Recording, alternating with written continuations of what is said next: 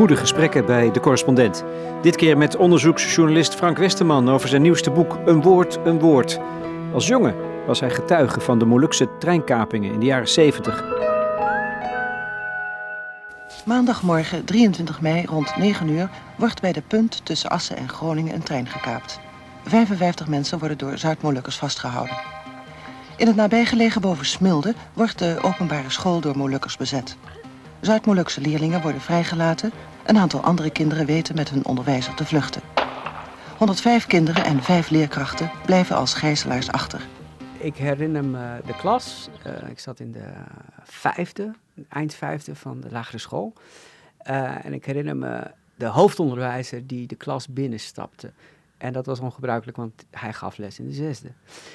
Um, hij kwam vertellen dat, uh, dat de handarbeidsles niet doorging, omdat onze kwekeling die dat, die les gaf uh, uh, niet zou komen en niet meer zou komen. En hij, had een beetje, hij, hij, zei, jullie bent al grote kinderen. Dat, was zijn, dat herinner ik me, dat weet ik zeker. Hè? Zo kwam hij ons hmm. toespreken. En hij ging uitleggen dat er een trein stil stond, een paar weilanden verderop. En dat hij uh, met kranten was afgeplakt. En toen ging hij uitleggen wat een treinkaping was. Maar dat woord bestond natuurlijk nog niet. En dat was een nieuw fenomeen. Vliegtuigkapingen, scheringen en inslag in de jaren zeventig. Uh, maar een treinkaping, dat was nieuw. En toen kwam hij dus eigenlijk vertellen dat onze kwekeling, we hadden er drie, uh, één daarvan zat in de trein. Als kaper? Als kaper. En dat, uh, de tweede, dat was de woordvoerder van de kapers. Die kwam ook niet meer. En de derde ging een dag later naar Amsterdam. En daar hè, gijzelde hij het Indonesisch consulaat hier in Amsterdam-Zuid. Uh, gewapend uh, overviel hij, uh, gijzelde de, daar de, de ambassademedewerkers en een schoolklasje en alles. Ja. Dat waren onze drie Molukse kwekelingen. Drong het tot jullie door? Oh, maar toen destijds, hè, waren het losse flarden. En indrukken. En ik, tegelijkertijd, uh, ik was keeper bij uh, ACV-pupillen of, uh, of zoveel. En, en ik maakte me veel meer druk om de komende wedstrijd. En dat was mijn wereldje. aan de andere kant was het natuurlijk ook in Assen, waar ik opgroeide. ik kom van protestants-christelijke huis, dus wij gingen naar de kerk en we gingen op zaterdag voetballen, niet op zondag. naar de christelijke school. En de Molukkers ook dus de, de, wij zaten in dezelfde zuil. Dus we kwamen elkaar voortdurend tegen. En, en, en dat, ging, dat ging prima. Maar er was wel een, uh, een uh, zeker na de kapingen, was er, een, uh, was er iets aan de hand. De, de, de, de Molukkers hadden hun ideaal, de Vrij Ambon.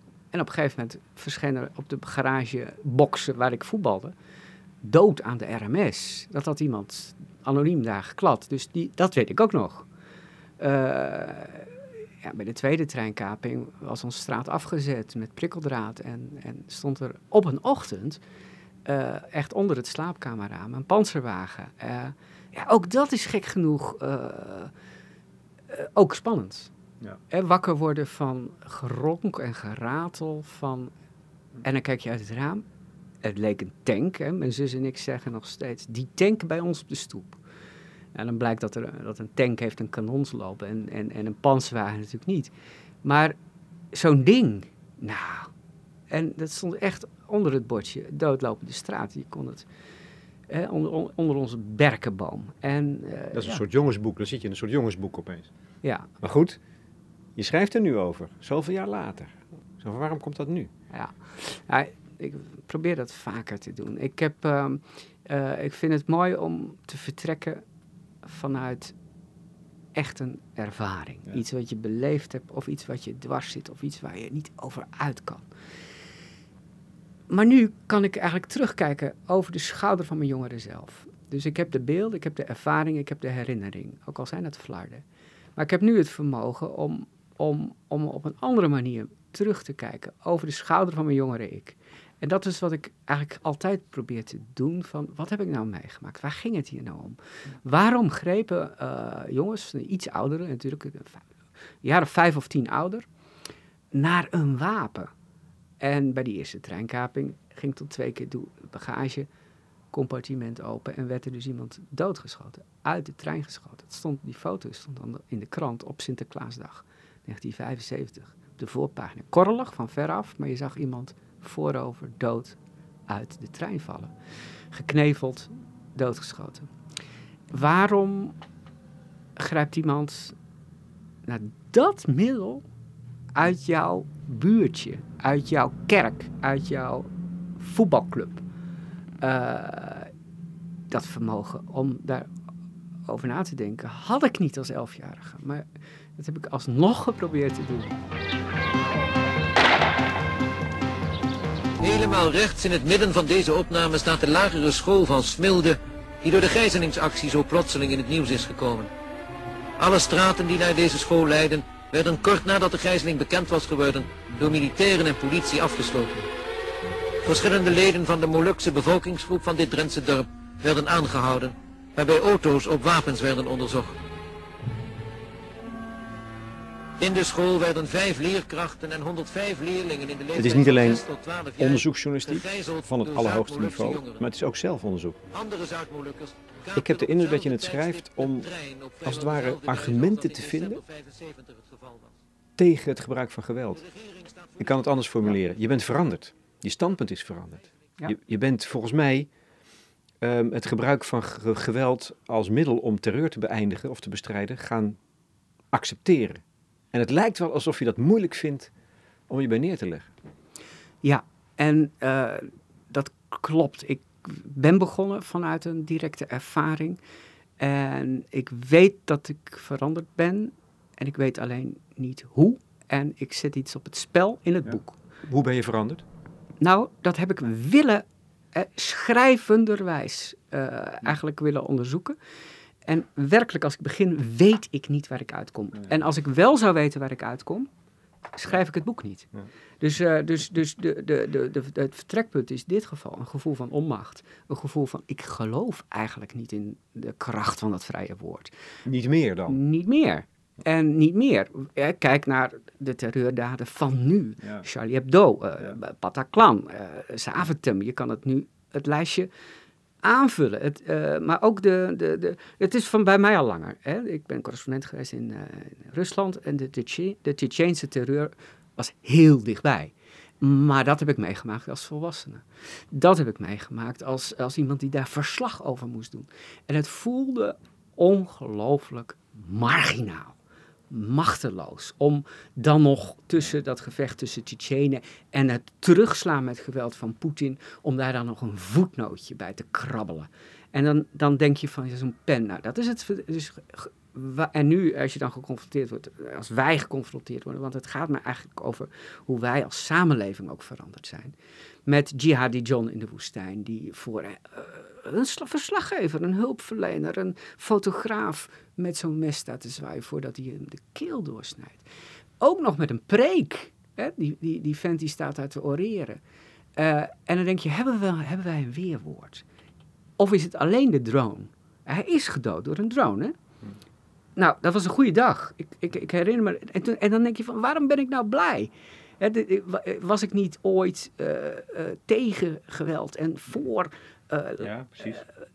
dat was je, met een gebroken geweertje met een gebroken geweertje. Maar daarna, na dat gebroken geweertje, heb ik natuurlijk als student lopen collecteren voor het gewapend verzet in El Salvador.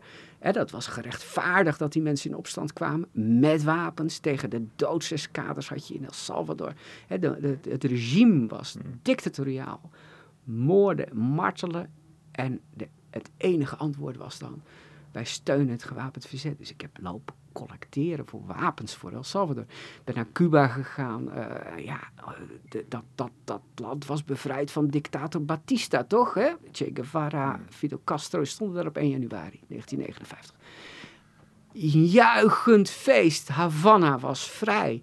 En nou goed, er ging heel veel, heel veel uh, water door de Saragossa-zee. Maar de, de, de, de, de, de, iets van de glans van die, van die revolutie uh, heb ik eigenlijk willen, willen aanraken door uh, als, als, als 20, wat was ik, ja.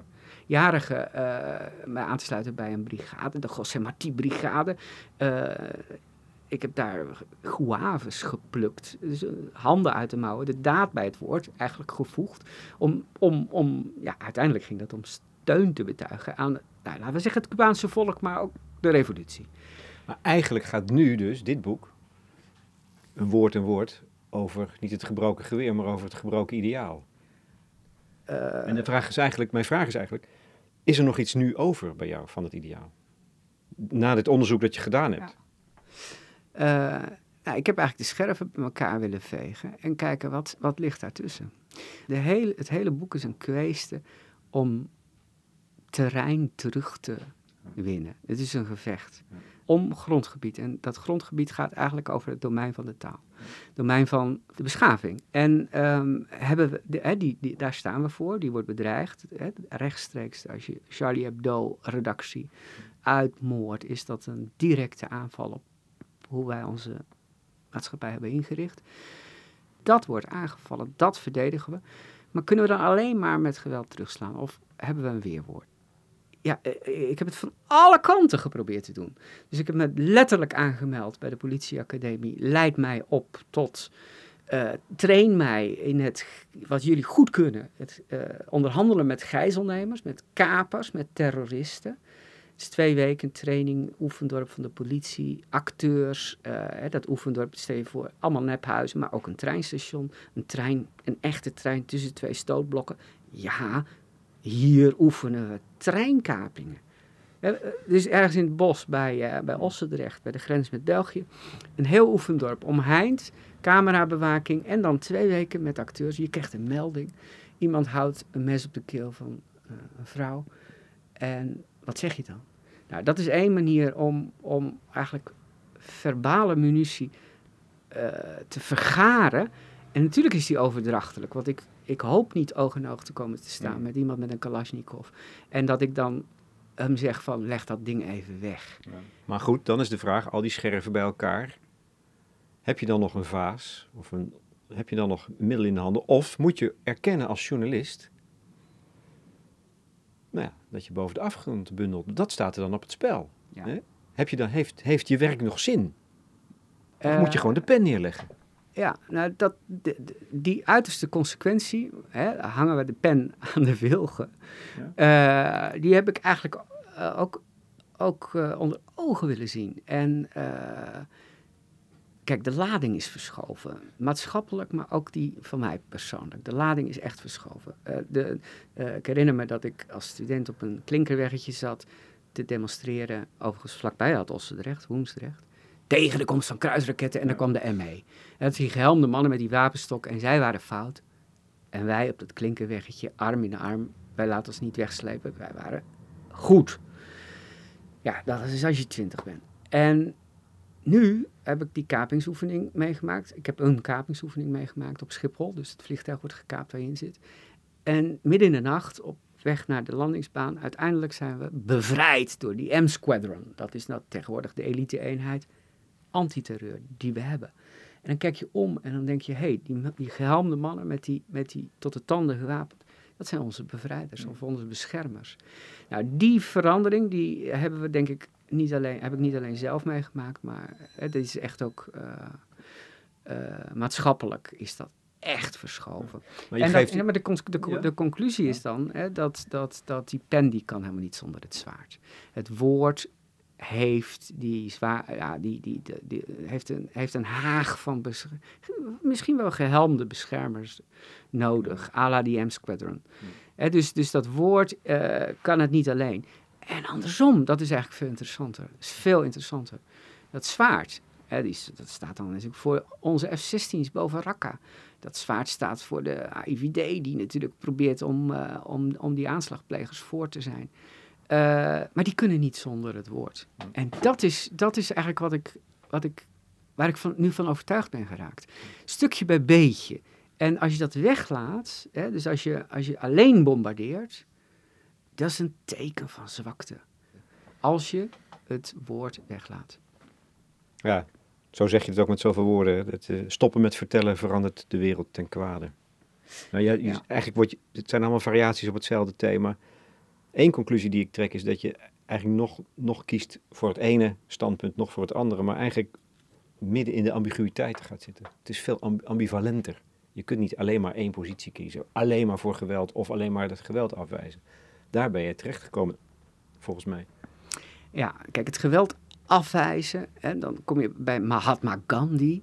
En fantastisch natuurlijk. En uh, denk aan gewoon. Uh, de meeste mensen denken de film. Hè, en, en in zijn eentje met zo'n omslagdoek, zo'n lendendoek ongeveer. En dat brilletje. En dan heel de Britse koloniale macht te kakken zetten, te kijk zetten. Alleen omdat je. nou, hij noemt dat dan. Klim naar de morele hoogte en ah, klamp je daaraan vast. Dat is alles wat je nodig hebt. Maar daar heeft Jihadi John geen boodschap aan. Maar als je het nu, als je alle kaarten op die drone zet, die hem pakt, en je vergeet naar die morele hoogte te klimmen, dan val je sowieso. Maar nu, wat is ons weerwoord? Hebben we dat? En ik denk dat, dat, je dat, dat je dat niet weg kan laten. Maar dat het op zich alleen praten tegen iemand die een bom wil leggen of een Kalashnikov wil leegschieten, uh, is, uh, is, is, is absoluut ontoereikend. je, je, we zijn weerloos tegen zaaiers van terreur en geweld als je, niet, als je niet ook kan terugslaan. En dat noem je dan de keerzijde van de beschaving. Je kunt ook zeggen, we zijn nog niet beschaafd genoeg geweest. Hè? Want het uitvloeisel daarvan, een tekort aan beschaving, is precies dat zaaien van dood en verderf. Maar goed, dat is een. Dat is een... Ja, maar het, het, het, mooie is, want jij zegt van ambigu. Er zijn zoveel schakeringen en er zijn zoveel ongeruimdheden. Nou hou ik ontzettend van. Op het moment dat, er, dat ik op een ongeruimdheid stuit, en daar zijn er veel van, dan wordt het echt interessant. Hè? Uh, de Molukkers met hun zaak, Vrij Ambon, hebben uiteindelijk de dialoog op gang gekregen door een politieagent te doden op een oprijlaan, dood te schieten in Wassenaar. En pas toen werd er naar ze geluisterd. Dat is ongerijmd. Toen ik begon dacht ik, taal, dat zijn wij. Dat hoort bij beschaving. En uh, geweld, hè, de, de zelfmoordterrorist, dat is woordloos, taalloos en dat is de vijand. Dat zijn zij, daar ginds met hun IS-ideologie, de barbaren. Hè? Maar niets is minder waar. Ook die IS-ideologie steunt op, op, op, op, op pamfletten, op, op tweets, op uh, filmpjes, op toespraken in de woestijn, op vlammende betogen taal. En dus die taal werkt niet. Hè, die, die taal, die, die, ik, ergens zeg ik, heb ik de zin, woorden zijn uh, gemaakt van zuurstof. Zacht als de wind, hè, dat zou je denken, maar even goed geschikt om vuur aan te blazen.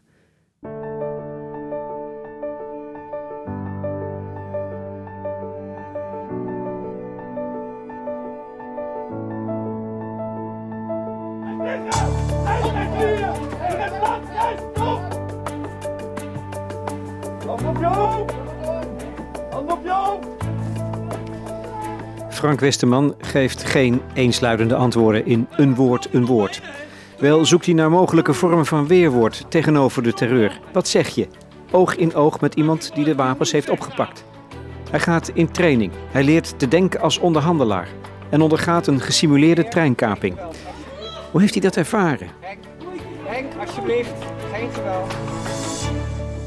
Nou, hoe, gaan we, hoe, hoe, hoe reageren we erop? En dat is dus inderdaad deels met praten. De crew is ingelicht. De piloot heeft een andere rol dan de stewardess. Uh, uh, cockpitdeur gaat niet open sinds 9-11. Die cockpitdeur gaat niet open. Uh, er wordt wel gepraat. Hè, dus de, de, de, de stewardessen nemen het initiatief om de kapers aan te spreken. Die lopen te stuiteren. En daar valt eigenlijk niet mee te praten. Of toch wel. Nou is dat praten natuurlijk zeer beperkt in dit geval. Om tijd te winnen, om enige mate van die opgefoktheid uh, te laten afvloeien. En dan heb je achter de hand inderdaad, ineens begint dat vliegtuig te schudden, want er staan panzerwagens met zwarte trappen ter hoogte van de vleugels. En over die vleugels lopen robocops. Je ziet ze met, eh, en die hebben nog betere geweren, zonder afgezaagde lopen, met laser rode laserpuntjes die dan ineens op de bagagevak uh, flikkeren. En dan, uh, en dan wordt er alleen nog maar geschreeuwd. Duiken die kapers weg achter, uh, achter dat, dat, dat, dat keukenblok of die wc'tjes. Trekken nog iemand mee die ze, die ze mee willen slepen, de dood in. En, en even later staan er van die robocops die zeggen van... this is the police. Yankee Sector 1, we've got one tango, dead. En uh, one Shera, also dead. Eh, uh, Shera, slachtoffers, tango's, terroristen. De pen kan niet zonder het zwaard, het woord kan niet zonder het zwaard en het zwaard ook niet zonder het woord. Maar dat is, vind ik, absoluut een van de fascinerende dingen uit je boek. Een woord, een woord. Bijvoorbeeld bij onderhandelaars, maar ook al net als je midden in zo'n actie zit, gegijzeld wordt, bevrijd wordt, dan ook tellen woorden. Misschien is het er maar één of twee, maar het moeten wel de goede woorden zijn. Ja. En dat maak je bij die onderhandelingen ook zo duidelijk. Je spreekt een aantal uh, beroemde onderhandelaars, Nederlandse onderhandelaars, die toen ook een rol hebben gespeeld bij die kapingen. Hoe belangrijk het woord is. Maar ja. dat is natuurlijk wel toch ook wel een geweldige ontdekking. Dat het ook daar, ja. die, elk woord is goud waard. Of juist ja. een ramp. Ja, er zijn ook uh, van die prachtige handboeken van de FBI. en dan, dan geven ze hè, de voorbeeldjes voor de FBI Negotiator. Van, en dit ga je dus nooit zeggen. En dat is, welke gijzelaar is het volgende slachtoffer? Hè? Dat, dat, dan, dan, dan ben je een soort halve moordenaar zelf. Of, uh, uh, hoe laat is ook nog maar je deadline? Ja. Hè, dat, dat zijn de no-go's. Nee, nee mag je ook niet zeggen. Nooit nee zeggen. Hè, dus je zegt echt nooit nee tegen iemand die iemand onder schot houdt. Je zegt geen nee. En dat lijkt een woordspelletje, maar wat gebeurt er dan als, het, als je wel in gesprek raakt? En het mooiste voorbeeld, het meest ontroerende is dat ik, uh, ik heb een ex-kaper van uh, Wijsteren, uh, de eerste treinkaping 1975. Uh, met z'n zevenen. Er zijn dus drie doden gevallen. De machinist en twee passagiers zijn geëxecuteerd. En de, die, die, jongens hebben twaalf dagen in die trein gezeten. En ze zijn door, uh, de, via een veldtelefoon zijn ze praten. En op een gegeven moment kwamen de bemiddelaars in die, in die trein. En dan denk je, wat is nou, wat is nou het zinnetje waardoor ze uiteindelijk ongewapend naar buiten van die treeplank springen? Ja. En hij vertelde mij dat uh, de Molukse onderhandelaars even apart nam in het gangpad.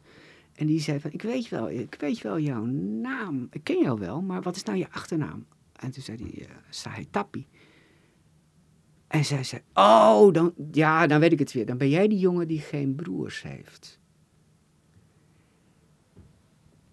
En hij zei, dat, dat is maf, hè. Dat, dat, dat kunnen alleen moeders. Alleen moeders weten. Al die jongens hebben broers. Hmm. Veel broers. Hij heeft geen broer. Dus er knapte iets in hem. En, en, en, en, en hij kwam naar buiten. De goede zin, de goede woorden. Eén zin, maar de goede woorden. Ja. Terwijl eigenlijk denk je van, hè, we leerden ook wel op die politieacademie van, uh, rekenen, hè, de, de eenregelige knockout bestaat niet. Dus denk nou niet dat je die zin hebt, uh, waarmee je ineens die kaper kan ontwapenen. Uh, letterlijk, hè? Uh, winnen met woorden doe je op punten. Daar heb je veel rondes voor nodig. En zo zitten er talloze, vind ik eigenlijk heel essayistische elementen in, waarbij je dat taal tegenover geweld uitwerkt. Het is niet één. Ik vind het bijvoorbeeld inderdaad fascinerend dat die jongens ook de Bijbel lazen, die Molukse ja. treinkapers. En dat ze de treinen blindeerden met kranten. Dat is natuurlijk, het is een beeld, maar ze hebben daar dus wat, zich niet op die manier gerealiseerd, maar dat ze daar het woord dus ook voor nodig hadden. Of wat dacht je van de gegijzelde schoolkinderen, even oud als ik destijds, uh, in Bovensmilde, die dan, de aula is ook afgeplakt, maar op een gegeven moment gaat het raam open en dan komen al die kinderkopjes, die blonden, naar buiten. En dan schreeuwen ze, spreekkoren, het is ook nog, uh, dat op Polygoonjournaal staat er, van achter, wij willen leven. En dat achter elkaar is ook taal.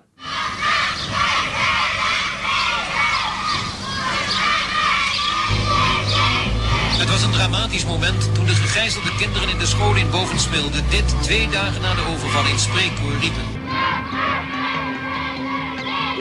De spanning, die, en, dan, en dan een ultimatum. Hè. Ze hadden een handgranaat en die wilden ze uh, op verkiezingsdag ook nog, hè, van acht. Uh, die, wilde, die was vicepremier, Den L was premier. Er waren verkiezingen, P van de CDA. Nee, er was iemand met een handgranaat en die zei van om twaalf uur rol ik deze naar binnen in de aula waar al die kinderen op de grond zitten. En toen zeiden die leraren, spraken af, een van ons duikt op die handgranaat. Om te voorkomen, om die splinters op te vangen. Ja, ja dat is heldendom. Moed. Ja. Wat dan ook. En dat is ook op het scherp van de snede woord en daad, taal en terreur. En dat is wat ik heb willen echt fileren. Wanneer houdt taal op? Wanneer begint terreur? Taal, wanneer raak je weer in gesprek? En wat vermacht dat woord? Tot slot, Frank Westerman, heb je meer begrip gekregen voor de jongens die je kende? Eén was je leraar handenarbeid. Heb je ze beter begrepen door het schrijven van dit boek? Ik heb de parallel getrokken tussen en mijn eigen bevlogenheid. Eh, eerst met het gebroken geweertje, dat was volstrekt geweldloos. En later via tropen, tropische landbouw dat ik gestudeerd heb, mijn idee om ontwikkelingswerk te worden. Om naar de, nou, toen, toen, toen hè, collecteren voor wapens voor El Salvador, noem het nu maar even zo.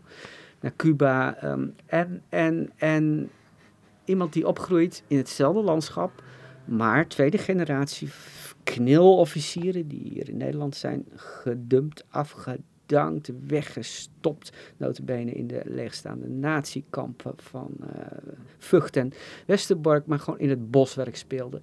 En zij hadden het portret van hun verzetsheld, Chris Sumokil, de heim, het, het het idee, wij gaan terug, het leed van de ouders, de achterstelling, de discriminatie, de schofterige behandeling. Echt, echt. Hmm. En, en, en, en stel nou, en dat heb ik ook gezegd, stel nou dat ik in.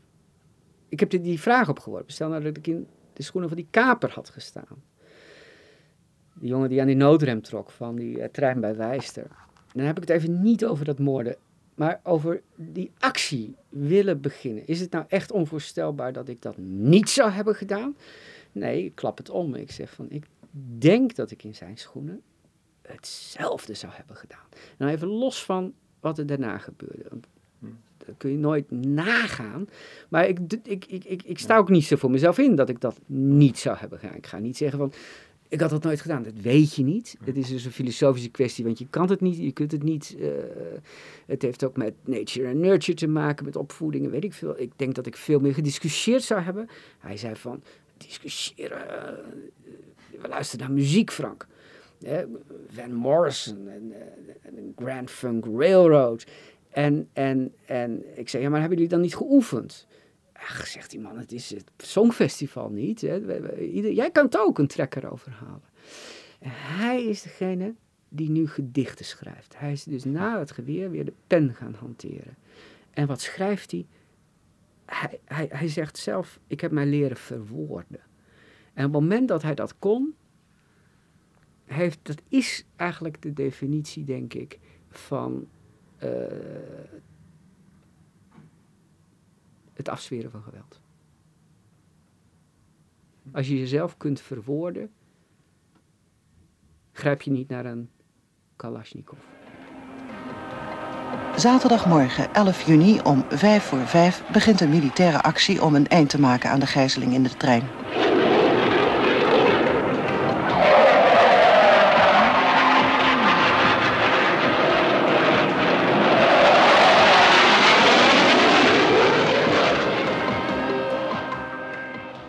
Wat geweld nodig was om een einde te maken aan de gijzeling, ervaren wij als een nederlaag. Maar wij moesten het gebruiken om erger te voorkomen. Eén ding is dat er loopt, er loopt nu nog een proces tegen de Nederlandse Staten. Van de nabestaanden van gedode kapers, betrokken kapers. Ze zouden geëxecuteerd zijn. Nou, dat staat dat met zoveel woorden vast. Daar wijd je niet zoveel woorden aan. Waarom niet eigenlijk? Ehm,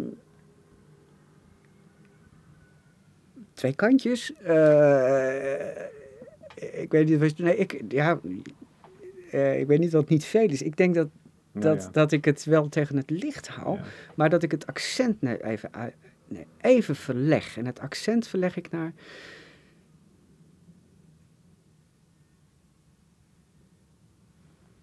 We hebben als Nederland, als staat, als overheid bij de tweede treinkaping naar geweld gegrepen om die te beëindigen met een overkill. En die beschrijf ik wel, hè? Ja. Dus dat zijn de starfighters die overvliegen, die mijn zus en ik hebben gehoord. Daar werden we wakker van. Eh nou, we waren al wakker, maar die, hè, die, die hoor je overscheren, de ruiten te trillen.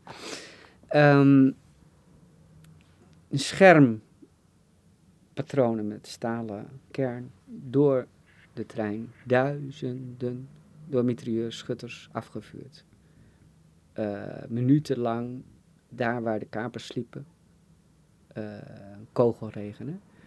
Eh, zes van de negen kapers zijn gedood, twee passagiers.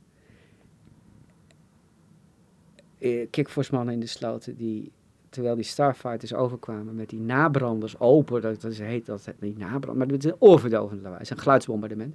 Simuleerden ze ontploffingen in de weilanden, hè, die molshopen, alles begon te... ah, je, denkt weer aan een film, maar het is geen film. En eh, nou, in die orgie van geweld, want dat was het wel, eh, zijn we een hoop onschuld kwijtgeraakt. Het was dus elf minuten oorlog in Noord-Drenthe. En eh, hele internationale, iedereen, de buitenlandse pers, Newsweek, eh, de, speciaal pagina's voor vrijgehouden. De ontknoping, eh, vergeleken met hoe de Israëli's op Entebbe, een Air France vliegtuig, de passagiers bevrijden in midden in de nacht in een vijandige omgeving. Mariniers op het schild gehesen. En tegelijkertijd was iedereen beduust. En ook mijn ouders, mijn leraren op school. Dit kan toch niet de bedoeling zijn? En we hebben. Van, het is in de jaren zeventig. We hadden een minister van Defensie in begin jaren zeventig. die allergisch was voor uniformen. Dat was een halve pacifist. En, en, en, en wij wilden geweld niet met tegengeweld beantwoorden. En we deden het met een enorme eh, overmacht. En, ja, en dus dus hoe, hoe onze verhouding tot geweld is veranderd. Ja. En dat is de echo daarvan, is eigenlijk het proces van de nabestaanden. Nu. En daar kun je van alles van vinden, maar ik denk, ik schrijf ook van, we hebben een soort trauma opgelopen. Niet in 1977, in die elf minuten. Niet omdat we ons geweld was aangedaan, maar omdat we geweld hadden toegepast. En daar zijn we nog niet mee klaar.